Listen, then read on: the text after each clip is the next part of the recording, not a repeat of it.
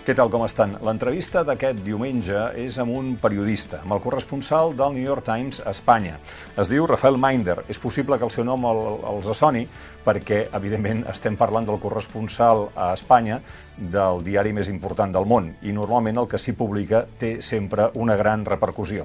Resulta que Minder va arribar a Espanya fa 10 anys, el 2010. I ara, mm, després de 10 anys, que ja és una quantitat bastant rodona de temps, ha volgut explicar eh, el que ell ha vist que és Espanya, tot i que segurament per influència periodística, com que això sempre està ple de blancs i de negres i per tant de matisos i de grisos, ho ha posat entre interrogants. Esto es Espanya? És un llibre que, si va del 2010 al 2020, es poden imaginar que dedica moltes pàgines a Catalunya, perquè si alguna cosa ha passat a Espanya durant aquests 10 anys ha estat el procés independentista de Catalunya, i això els asseguro que li ha robat moltes hores de feina, moltes hores de feina, molts dies de feina al nostre convidat. Rafael Minder, moltes gràcies per venir al diari ara. Gràcies a vosaltres. Com estàs? Muy Nascut bien. a Ginebra l'any 1971, corresponsal del New York Times a Espanya des del 2010, quan vas arribar al 2010, quina mena de destinació periodística era a Espanya per un corresponsal estranger? España era un país interesante, pero no era una, un destino de primera importancia. Eh, eso me, acuerdo muy bien hablarlo con uno de los jefes del New York Times que intentó bajar un poco mis expectativas y me dijo, uh, tienes que pensar que España está en el rincón suroeste de Europa, no está en el centro ni de Europa y que vas a tener oportunidades de escribir para las páginas de noticias, seguro, pero no va a ser uh, lo más habitual. Y te vas a tener que buscar crónicas interesantes, reportajes interesantes, personajes, uh, perfiles que puedes hacer de personajes curiosos o llamativos. Y a veces frustrarte un poco a la hora de entender que lo que es la gran noticia de España no es la gran noticia internacional. Y realmente para mí ha sido un poco la, la cosa más increíble de esta década, ha sido que, que España ha superado uh, de, de, manera muy clara las expectativas que tenía este, este redactor mío y, la, y mis propias expectativas y yo creo las expectativas de todos que, que empezaron en el año 2010 en, Espanya. Perquè, esclar, fixin-se, l'any 2010, quan Minder arriba a Espanya, eh, estem ja rebent els primers i més forts embats de la crisi financera. I és eh, pràcticament immediat, al cap de molt poc temps, que ja es comença a parlar del rescat d'Espanya. Se'n recorden d'aquella època? D'un rescat que al final és un rescat bancari que explica Rajoy en un migdia amb una locució a la Moncloa, diu, bueno, y ahora, con su permiso, me voy a Polonia a ver un partido de la selección. Eh, o sigui que des del primer dia tu vas tenir molta feina i Espanya va ocupar destacats titulars al sí. New York Times. Sí, de hecho, para hablar de los tiempos de manera correcta, yo, yo llegué en el abril del 2010 y todavía se hablaba aquí de los uh, brotes verdes de la economía. Y hubo a las mm, pocas semanas, creo dos semanas de mi llegada, hubo un Consejo Europeo, porque España tenía la presidencia de la Unión Europea en este momento. Mm. Y vinieron todos los ministros de finanzas para hablar de Grecia. Pero algunos en esta reunión en Madrid empezaron a cuestionar un poco la historia de que era solamente un tema aislado de Grecia y decir, pero ¿qué está pasando en España? Y todavía el gobierno, eh, la, ministra Salgado y el gobierno de Zapatero estaban como, no, no, aquí tenemos eh, todo bien montado para superar esa crisis. Y al mes siguiente, eh, mayo, los primeros recortes del gobierno Zapatero. Y eso lo, lo, cuento en el libro, fue como pasar de, de, un relato a otro de manera muy abrupta y, y a partir de ese momento la caída uh, en pico de, los, de las cajas una detrás de, de, otra hasta la gran caída de, de mayo uh, 2012, la de Bankia, que deja el, el país sin, sin, otro recurso que pedir ayuda europea mm. y miles de millones. Y es cierto, incluido en este momento, el presidente Rajoy se negaba a utilizar la palabra uh, rescate. Uh, Zapatero se había negado a utilizar la palabra crisis. Entonces, cada presidente ha hecho un intento de no utilizarla. Entonces, hay, ha hecho malabares a nivel lingüístico para hablar de todo menos de, un rescate, pero fue un rescate y, claro, dos años de noticias económicas, que también yo llegué un poco a España deseando escribir de otras cosas. Yo había hecho ya una década en el Financial Times, muy metido en temas de economía y estaba como, pues ahora me va a tocar escribir de otras cosas. Pues no, dos, dos años i, i més de, de pura economia. Ja. Es poden imaginar que, a part de les coses que passen, és molt important com s'explica les coses que passen. És allò que se'n diu el relat. Els governs, el poder en general, però sobretot el poder polític, el poder governamental, vol controlar el relat de les coses que passen. I, és clar, en un moment en el que estan dient que el teu país haurà de ser rescatat, que la teva economia s'enfonsa, que l'atur està augmentant extraordinàriament, eh, no t'agrada la imatge que els mitjans projecten de tu al món. Però això va quedar sublimat el dia que el The New York Times publica un reportatge sobre eh, l'impacte de la crisi financera de fa 10 anys en la societat espanyola. És aquest reportatge que no va firmar eh, el Rafael Minder, sinó la corresponsal del New York Times a Europa, sí, perquè com sí, que és un diari potent, en té una a cada país, més o menys, i després té sí. un, una corresponsal a Europa, amb fotografies eh, d'algú que ha passat per aquest plató, d'un fotoperiodista català de Santa Coloma de Gramenet, el Samuel Aranda, Uh, sobretot la primera de totes, si la podem veure, que és la d'aquell senyor amb una samarreta del Barça, aquesta, eh, crec que de Ronaldinho concretament, eh, remenant eh, en un contenidor d'escombraries mm, i a més a més en blanc i negre. Probablemente este es el reportaje que más eh, dolores de cabeza te ha dado. Me ha dado un doble dolor. Primero porque no ha sido mi reportaje y en cualquier oficio uh, es, siempre resulta un poco más complicado defender uh, el trabajo de otro Uh, pero yo lo he asumido porque no estaba de acuerdo con las críticas. Me ha, causado dolor, pero tengo que decir que también he recibido, y Samuel Aranda todavía más, muchos elogios por ese trabajo. Es decir, ya veíamos que había opiniones contrarias. Mucha gente estaba muy contenta de, ver que se retrataba uh, la, una problemática creciente en España de pobreza, de desempleo. No nos olvidamos, el desempleo llegó a, a 27% en el 2012 y es, es, estaba el, parte de la historia, había mucha gente que quería uh, verla y contarla y obviamente desde la parte más institucional de España un, un rechazo absoluto a, a, ver este tipo de imagen en, en la portada de un, de un diario como The New York Times, eso mm. sí. En el seu llibre, el Rafael Minder escriu El funcionario de la Moncloa, el van trucar, me dijo que las más altas esferas del gobierno habían examinado las imágenes y que la conclusión a la que habían llegado era que éstas representaban un ultrajante asalto contra la dignidad y la reputación de España. Nadie en la Moncloa ponía en duda los hechos que se mencionaban en los pies de foto del reportaje gráfico, pero me dijeron que todo el mundo estaba de acuerdo en que mi periódico presentaba a España como si el país hubiera vuelto a 1939 y estuviera luchando por salir de la guerra civil. Mire la cara de uno de los manifestantes que han fotografiado, me dijo. Nadie en España tiene ahora una dentadura tan mala ni le faltan dientes. Eso, eso. ¿Cómo, te, lo, cómo te lo tomaste?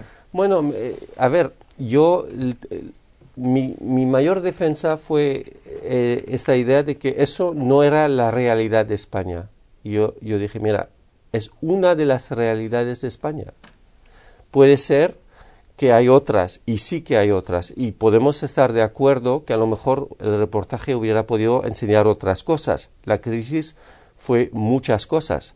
Se, llenaron los, eh, los estadios, el Camp durante la crisis, es decir, hay lados de, de la crisis. Sí, sí, los restaurantes. Los, los restaurantes. Eso es una crisis, no, no toca a todos, por eso se habla también de la brecha social, eso, pero mm, decir que no es una realidad de España es negar entonces la realidad de millones que están viviendo la crisis en su propio hogar, en su, su, propia vida, se dejan, uh, dejan de trabajar, están uh, viviendo del, del paro que no es suficiente, eh, tienen situaciones desesperadas. Entonces, para mí era como negarlo. Y luego el argumento que eso era un retrato de alguien que no conoce a España, ahí yo dije, a ver, ah, Samuel Aranda conoce a España, es de aquí, ah, conoce mucho de la realidad social de España, ha hecho muchos reportajes y se ha tomado el tiempo de, ah, de hacer un recorrido por todo el país. Ni era un sitio este reportaje tiene fotos de, de Andalucía. Sí, aquesta de, foto que hem vist era de Barcelona, em fa l'efecte. Bueno, però... hay una de Barcelona y hay otras de, de Madrid, hay de Benidorm, hay de, de, protestas en el campo de Andalucía. Entonces, eh, este argumento para mí no vale uh, y entiendo, entiendo, es muy emocional, entiendo que nadie le guste ver que se retrate a su cocina cuando uno tiene un restaurante, quiere tener siempre la foto del restaurante con uh, las mesas uh, blancas y, y, eso, pero puede ser que la cocina del restaurante no tenga el mismo aspecto que, que, el comedor. Creo que llegaron a decirte incluso que, claro, que Samuel Aranda era catalán, ¿no? Bueno, eso, eso me lo dijeron y se lo dijeron a él también. Um, y bueno, este, este argumento yo no sé qué decir. Yo, yo, yo creo que Samuel Aranda, de hecho, que es el, el único periodista el, español. El único, como lo cuento el libro, el único periodista español que ha ganado el World Press Photo Award, que es el mayor mm, premio que se puede dar. Yo creo que tiene todo derecho a, a, a representar España yeah. y a hacer fotos de España. Yeah. ¿A ti te ha llamado directamente eh, para hablar contigo a solas algún presidente del gobierno? No, no, no. no. ¿Ministro sí? Sí, he tenido conversaciones con ministros, sí, pero con, con un presidente no. ¿Quién no. se queja más de lo que tú publicas en el New York Times, la derecha o la izquierda? Depende del momento. Uh, depende si está en oposición, depende si está en el poder, uh, depende del momento y del, Pero dirías que... y del tema. Yo diría que más o menos así, es decir, y a veces los que antes les gustaba, de repente no, porque están en otro sitio, han pasado de la oposición a la Moncloa. Entonces, uh, uh, es, es, muy fácil, uh, es difícil ganarse amigos, es muy fácil perdérselos por, por, temas de, de, actualidad y de, de cambio de, de, sitio también. ¿Y cuántas llamadas recibes al día o a la semana de gente que quiere que el New York Times hable de su tema? Y que tú hables de su tema, claro. Bueno, recibo en general, por lo menos, uh, incluido correos, recibo, no sé, por lo menos una media docena uh, a, la Al semana, día, a la semana. A la semana. A la semana. De gente que me presenta un tema que considera clave, esencial, que se con, tiene que conocer. Y, y, lo entiendo, es decir, para, para ellos... ¿Y son buenos temas? Sí, son buenos temas, pero es difícil uh, a lo mejor destacarlos o hacerlos de, la, de esta manera. Uh, y, y, entiendo que a lo mejor este tema para esa persona sí, sí. Re representa su lo vida más importante entera, del mundo, sí, su, su, vida entera, pero yo intento siempre decir o uh, miramos la perspectiva más amplia y también toma, tomando en cuenta de que lo que está ocurriendo, ese drama o esa situación, está pasando en muchos otros sitios.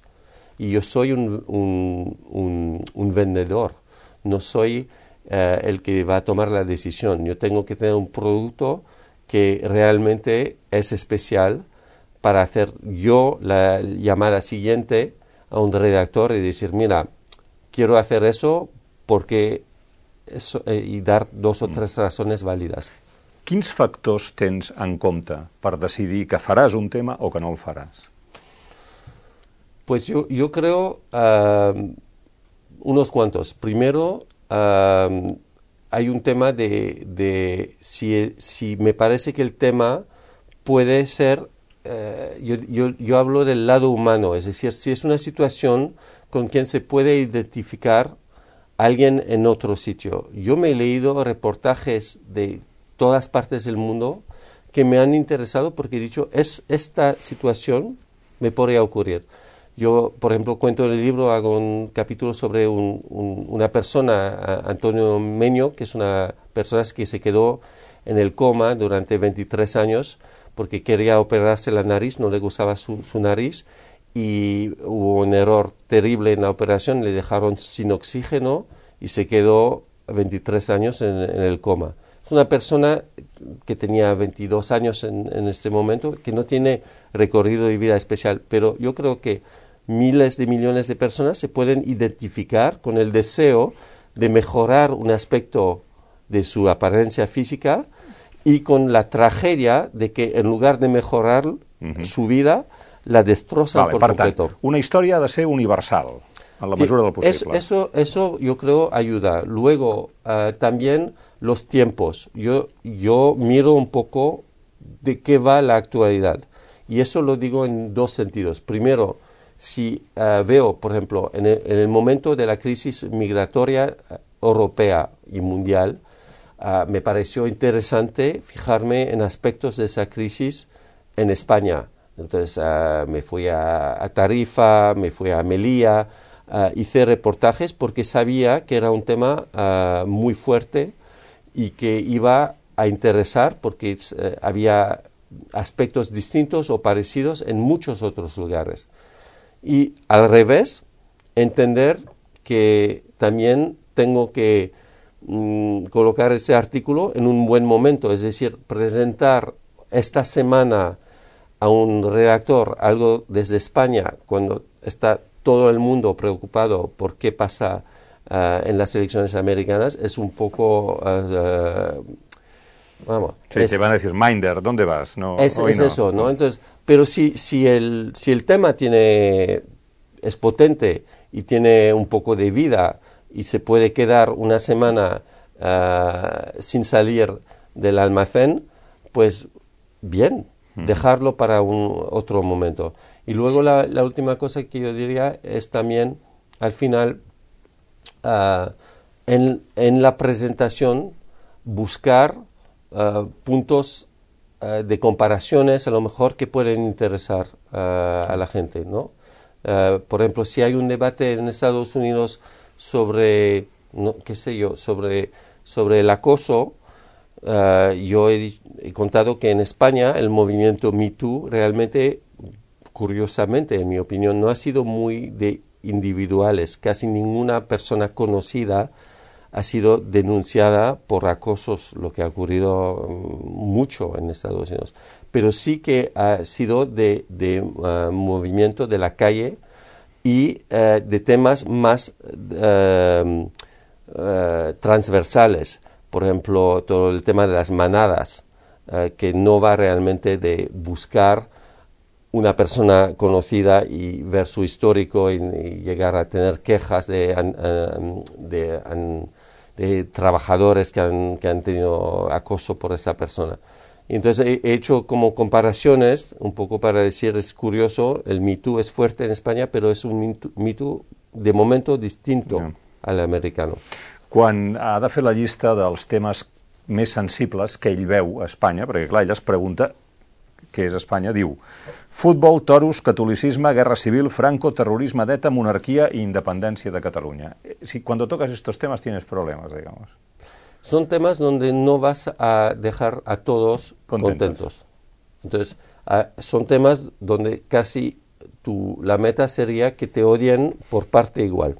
Ja. Ah, sí, porque estás entrando en un terreno muy emocional con ideas ya muy formadas. El socio del Barça eh, es socio del Barça y que gane o pierde es dispuesto a aceptar mucho igual que el socio de Madrid o que socio de, de otro club. Yo creo que es difícil, una persona que tiene realmente la fe, es difícil convencerle de que la Iglesia Católica tiene eh, problemas estructurales que se tien- tendrían que mejorar. A veces me, me he tapado con rechazos muy fuertes. Ja. Pel que fa al futbol, dius que has vist periodistes a la tribuna del Camp Nou o del Santiago Bernabéu, m'imagino, eh, patint eh, perquè el Barça o el Madrid han marcat un gol, no? Sí, yo, yo, yo digo, el fútbol es el mejor ejemplo de, de, de, de falta de distancia de los propios periodistas, que muchos de ellos son tan fanáticos del club que siguen para su periódico que creo que es- me, me- impresiona, de hecho, digo, Chapo, por poder escribir la crónica en un momento de angustia o de alegría tan, tan fuerte. Ah, y, y eso es mi lujo, es decir, yo considero que emocionalmente no me siento vinculado de esa manera con, con esos temas. Ahora está pasando una mica amb la monarquía, ¿no? ¿Esto está pasando ahora con la monarquía? Sí, sí, uh, pero la monarquía para mí es, es un poco más complicado uh, por, por dos motivos. Primero que el intento de decir que todos los que están en contra de la monarquía no son buenos españoles, en mi opinión, no, no cabe dentro de, de, la realidad. Es decir, hay, es, eh, hay, por eso los matices al final. Y yo, yo, yo creo y conocido a gente que, que no está en favor de la monarquía, pero que ama a España de manera muy profunda, que de hecho considera que España tiene que ser un país muy moderno, donde no se pueden aceptar uh, cosas como como la, inmunidad legal de, de, un rey antes uh, investigaciones como las que tenemos ahora. Entonces, mm, es, siempre hay intentos en todos los países de hacer todo en blanco y negro. Si eres eh, de esta opinión, entonces obviamente eres así, pero no, no, no es cierto.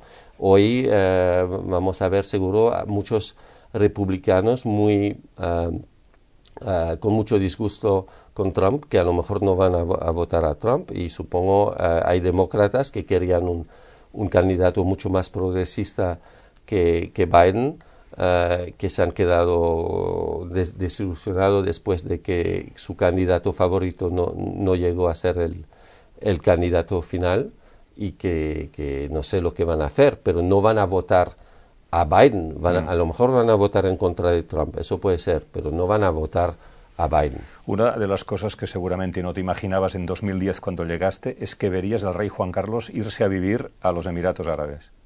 No, eso no, realmente.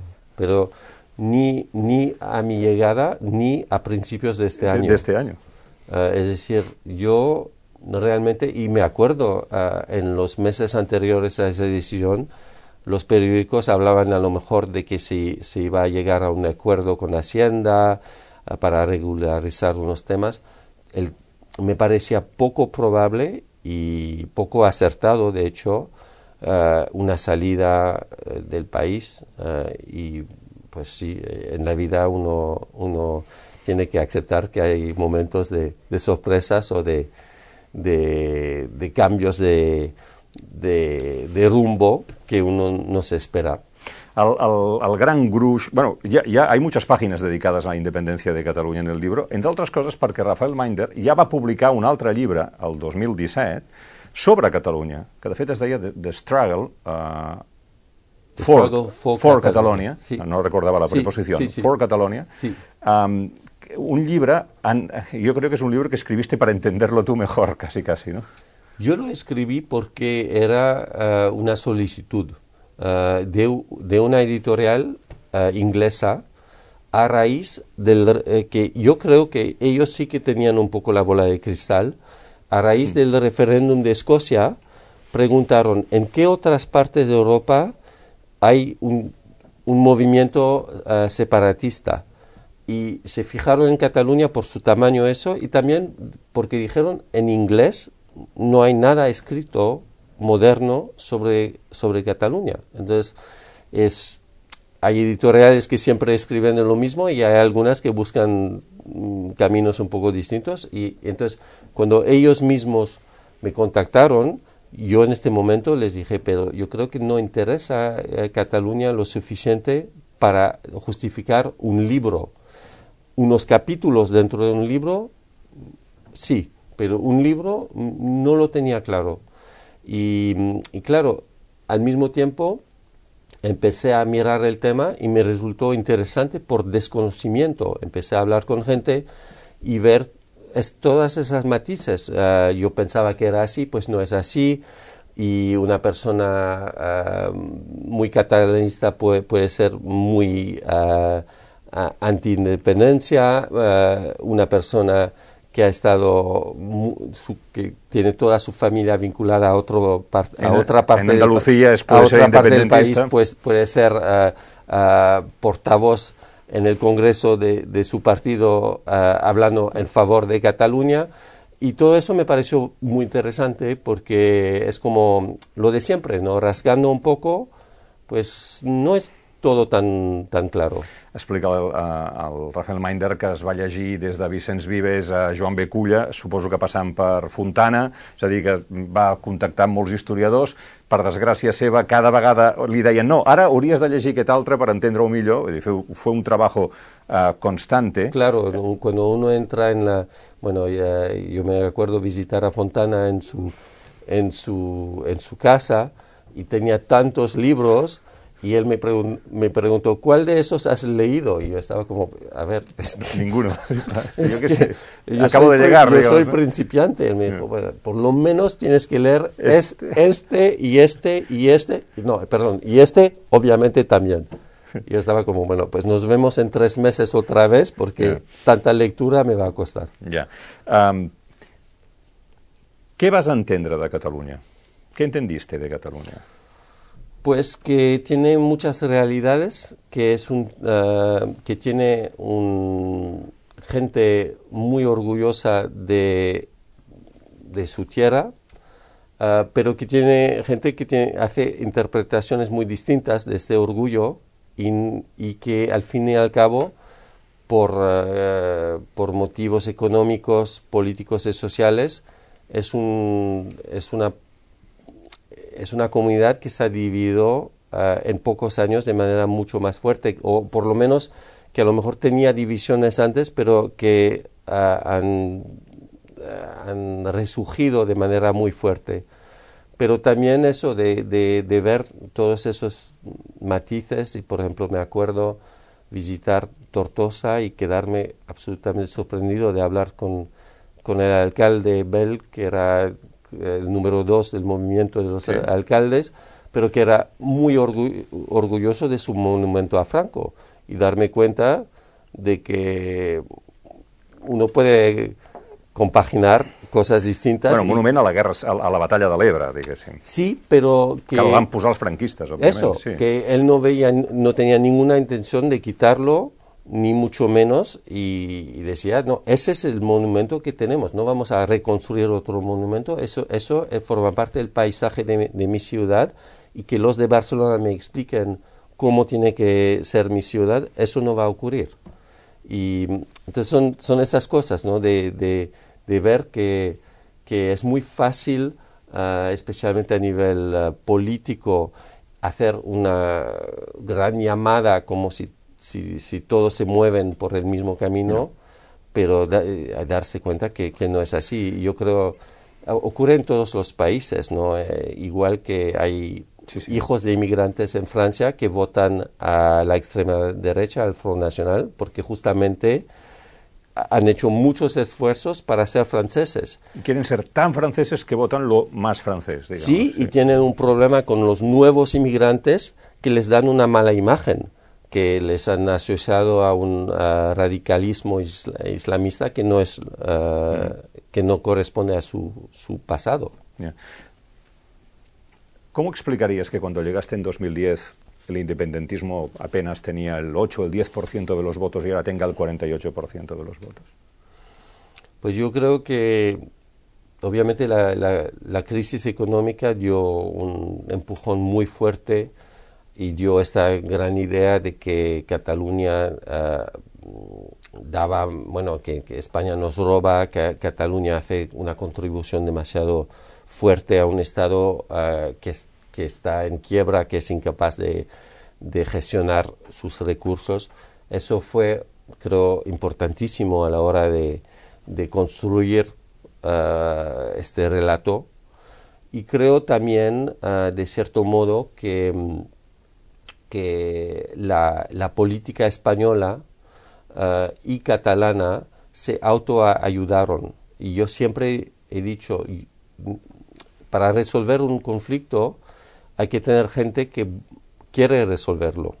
Pero yo no veo muchos políticos que quieren resolverlo porque les interesa de cierto modo el conflicto.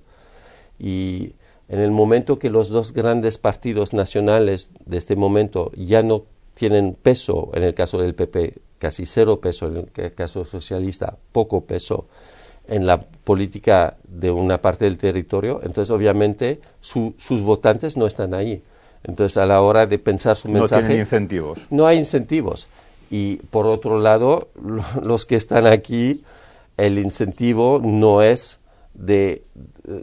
No van a, no van a ganar votantes en casa haciendo ofertas ah, fuera de casa. Entonces, es una quiebra política ah, cuando ni, ni, uno, ni el uno ni el otro es capaz de, ver más allá de las próximas elecciones.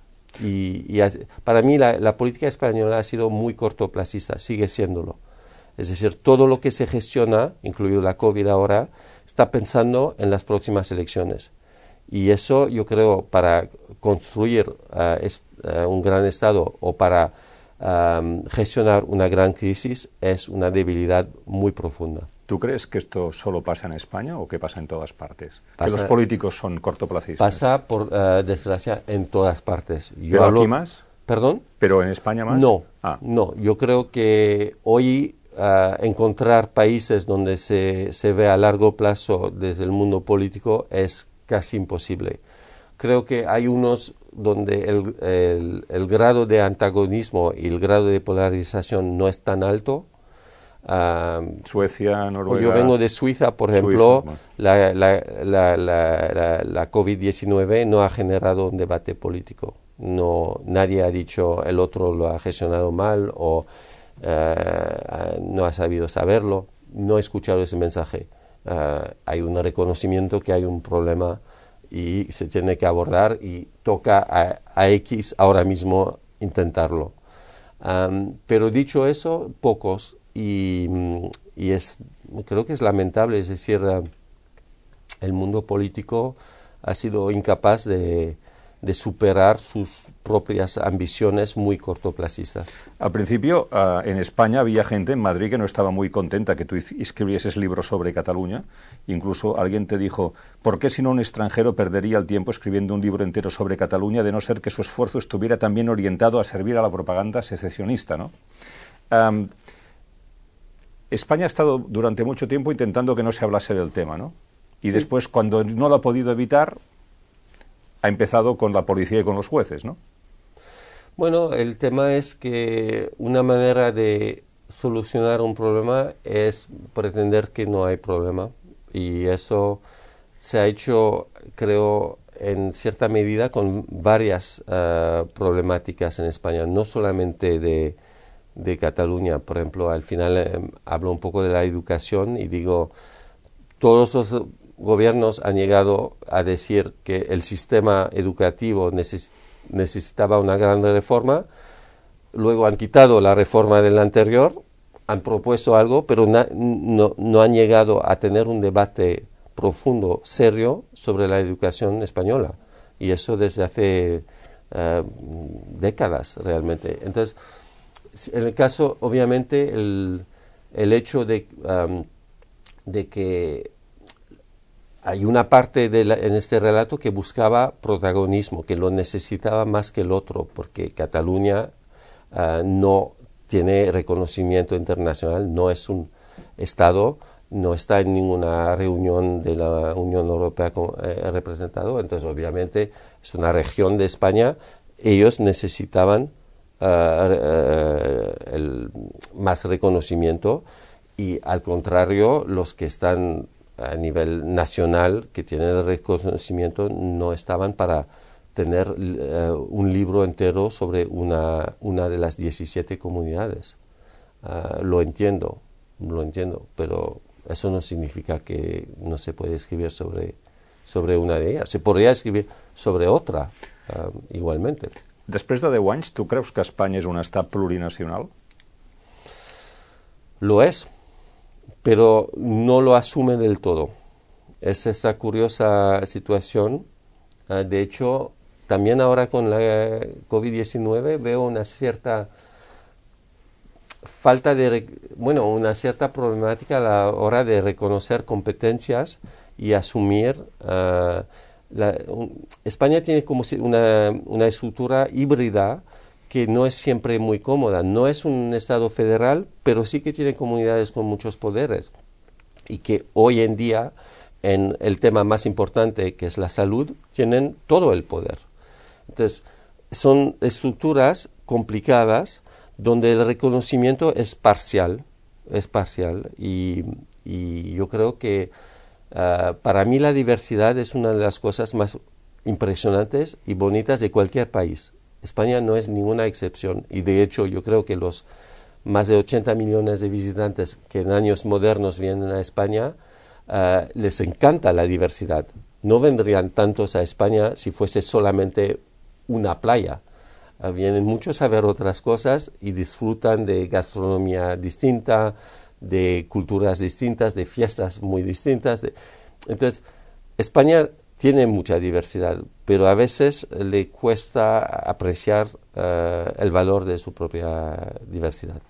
¿Tú has percebut molt anticatalanisme y molt antiespañolisme? ¿Has percibido mucho anticatalanismo en España y mucho antiespañolismo en Cataluña?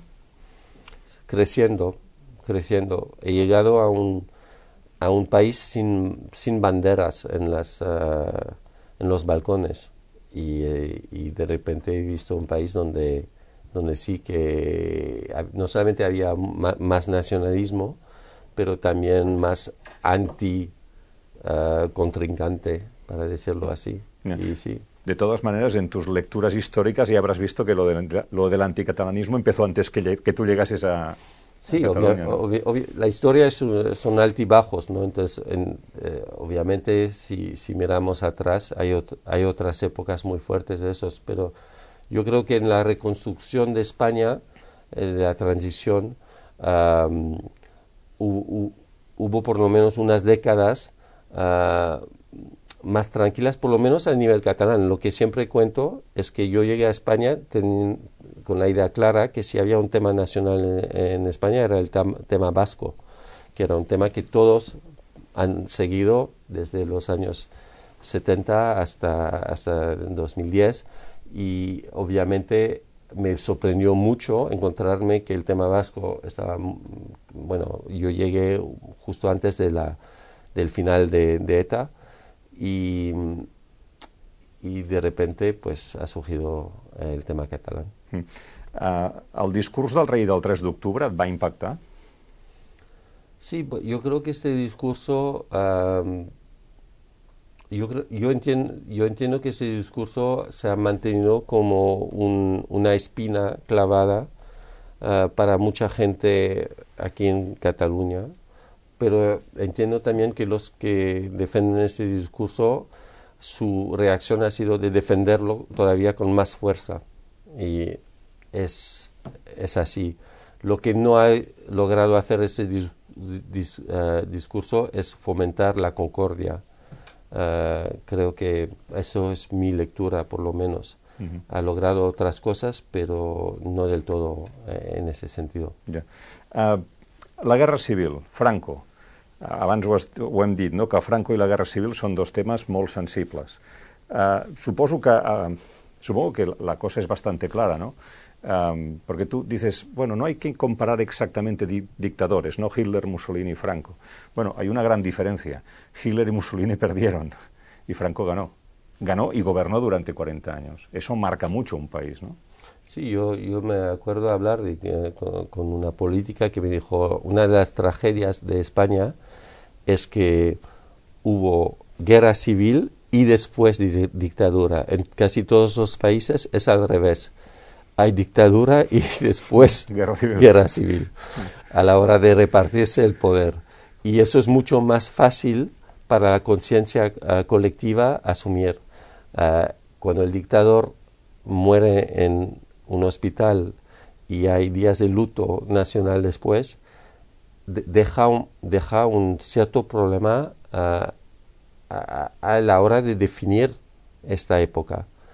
Y y es así, pero no podemos rehacer la historia. Cada país tiene que asumir su historia, intentar luego uh, adaptarla lo mejor posible a, sus tiempos, incorporarla, yo creo, en su relato y no olvidarse de ella. Yo soy muy partidario de, de aprender de la historia, no, no pretender que no, no hubo historia. Pero a veces tienes la impresión de que en España hay gente que no quiere que haya historia o que la está utilizando ¿Cuál es la relación que ves de los españoles con, la guerra civil de España?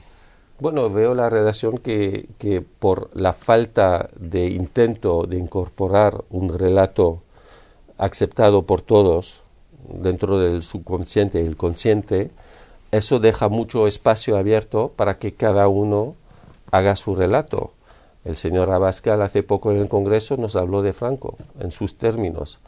Ah, aquí en Cataluña, por ejemplo, se ha hecho más, hay más museos de la guerra civil de, creo que en todo el resto de España. Ah, pero el relato que se hace aquí es muy blanco y negro. Y yo cuento en el libro, yo me acuerdo estar con una clase de, niños catalanes que dudaban, que de hecho me, dijeron, uno me dijo que era mentira, que se había caído Madrid ah, después de Barcelona en la guerra civil. No se lo podía creer. Entonces yo, digo, hay un problema también si llegamos a, a este nivel de, de, falta de conocimiento, de, de, especialmente de, los jóvenes. Creo que cada, cada mm, persona tiene que tener por lo menos compartir un activo de su historia y luego pueden discrepar sobre, sobre otras cosas. Pero yo creo que, que hay que compartir algo porque si no el político de turno siempre lo va a utilizar y lo va a manipular para contar una historia muy revisionista. Terminamos. ¿El tema de Cataluña te ha agotado? ¿Te, has encontrado en un laberinto? ¿Hay días que has tenido la impresión de que estabas en un laberinto?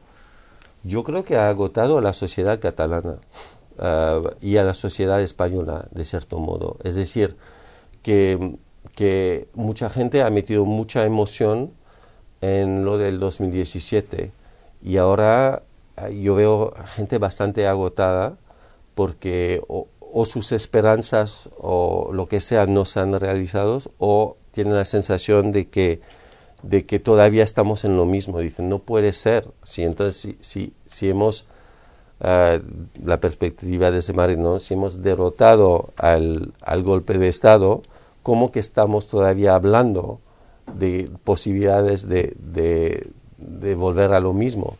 Y por otro lado, yo creo que también los que pensaban que ya habían hecho su, su labor para lograr la independencia de Cataluña se han encontrado que, que no. Entonces, ah, yo personalmente no me siento agotado porque sí, sigo con mucho interés, pero sí que tengo que decir que a nivel internacional ahora mismo no interesa uh, el tema uh, catalán como en 2017. Eso me parece obvio. Mm. ¿Has estat a les presons veient els presos, a los presos catalanes en la cárcel? Sí, he ido. He ido a ver a Junqueras uh, y a Raúl Romeva en, en, ya no me acuerdo cuándo, pero sí, es, ya llevaban un año mm. en la cárcel. ¿Te, parece impresionante? Lo digo porque del, del 1 de octubre hay un momento que tú dices, ¿Estaba realmente sucediendo aquello en suelo español? Que lo estabas viendo por, por una tele con el sonido apagado, ¿no? Y te preguntabas cómo es posible que, aquello, ¿no? Las cargas policiales estén, estén pasando en España, bueno, un país de la Unión Europea, etcétera, ¿no? Y luego los presos en la cárcel. ¿Lo entiendes? Yo creo que son cosas distintas, uh, las dos. Uh, no hago un vínculo entre las dos.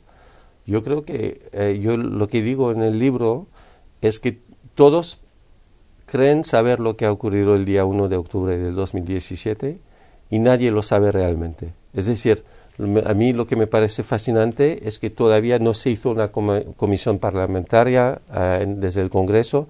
No sabemos todavía quién decidió dar esas órdenes, cómo, el por qué, cuando compareció durante Uh, enfrente del Supremo uh, Soido, que, fue en su momento el ministro de Interior, dijo que no, no eran sus órdenes. Entonces, ¿de quién, quién, decidió eso? Y yo creo que fue, fue una gestión que nadie ha asumido, uh, no, ha tomado la responsabilidad. Y tres años después, todavía tengo la duda de, de si tenía que ser así o si hubo contraorden, si, de, de, dónde venía todo eso.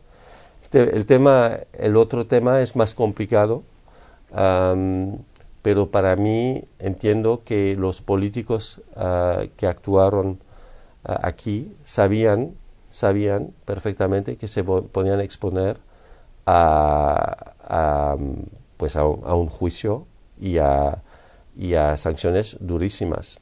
Tenían ya un histórico de lo que había pasado antes con, con lo que era solamente una o solamente era una consulta y lo que le pasó a Artur Mas lo sabían. lo han asumido, ah, entiendo yo. Pero ser acusados de rebelión y ser condenados por sedición, si no fuesen políticos independentistas catalanes que hubiesen hecho lo del 1 de octubre, probablemente no, ¿Cómo puede decirse que aquello lo era? Es que no sé, yo, entramos en suposiciones. Yo creo que, que, si fuesen otros, a lo mejor hubiera pasado, pasado lo mismo. Yo, yo creo que, que el, sobre el grado de sanción eso podemos discutir horas y miles de personas van a tener mil opiniones distintas. Pero el hecho de que, se iba, que eso iba a tener consecuencias con todos los preavisos y con, con, eh, órdenes desde, desde el constitucional de no seguir adelante eso, yo creo que eso, eso, eso yo creo que lo sabían, son gente lo suficiente preparada para, para, para saber. Probablemente parte de lo que le pasa al Estado es que pasó mucho tiempo diciendo no va a haber referéndum, no va a haber urnas. Y al final hubo urnas en las condiciones en las que se hizo, ¿no? Pero sí que hubo urnas y eso es un golpe difícil de encajar para un Estado, ¿no? Es un golpe difícil, es una pérdida de control sobre el relato y sobre, sobre el país realmente. Y yo fue un, realmente fue un choque. en el momento que tú y yo vamos a prometer algo totalmente distinto, sabiendo ambos que hay una posibilidad que no lo podemos cumplir, estamos enfrentado a un gran, gran problema. Igual que el Estado ah, no, no llegó a impedir urnas, ah, la promesa de Carles Puigdemont de la Diada fue que se iba a votar en toda normalidad, que era una promesa que él mismo, yo creo, sabía no iba a cumplir. Entonces, ni el uno ni el otro tenían un relato coherente con la realidad del momento. Y vendieron de cierto modo un mensaje a los suyos que no, no, era acertado. Es decir, eh, ni el uno ni el otro iban a, salir del todo vencedor de, de, este enfrentamiento. ¿Aquest es un libro de comiat? ¿Es un libro de despedida de España? Bueno, espero que no, uh, pero es, no, es un libro para marcar uh, yo creo que una década es un, es, es un, es, un... momento y es una década que yo considero realmente especial. Mm. Ah, yo estaba mirando a la hora de, de, empezar el libro qué había hecho el New York Times ah, en la década anterior. Y la verdad es que hubo momentos claves como los atentados de Atocha, pero a nivel de noticias bastante poco, porque España era un país que iba bien, pero que tampoco era impresionante, iba bien en sectores que no interesan mucho. El ladrillo, uno puede escribir uno o dos artículos sobre el ladrillo, pero es el ladrillo, no es reinventar la, la, la, economía digital. no, entonces, es, inventar el iPad. no, no es inventar el iPad, no había grandes temas, había los dos partidos que más o menos se compartieron el, eh, el poder de manera bastante con cambios bastante regulares y había, pues, sí, había temas, pero mucho menos. Yo creo que todo eso de cuestionar eh, las instituciones, eh, la llegada de los nuevos partidos, el tema monárquico, Cataluña, todo eso son temas marcantes de, para, para un país y han ocurrido en, esta década. ¿A dónde va, va, a llegar eso? No lo sé, pero pero ha ocurrido, ¿no? de manera que continuarás uh, trabajando en España. Espero que sí. Ah, yo, yo siempre digo la bola de cristal, me encantaría tenerla, pero, pero estoy con...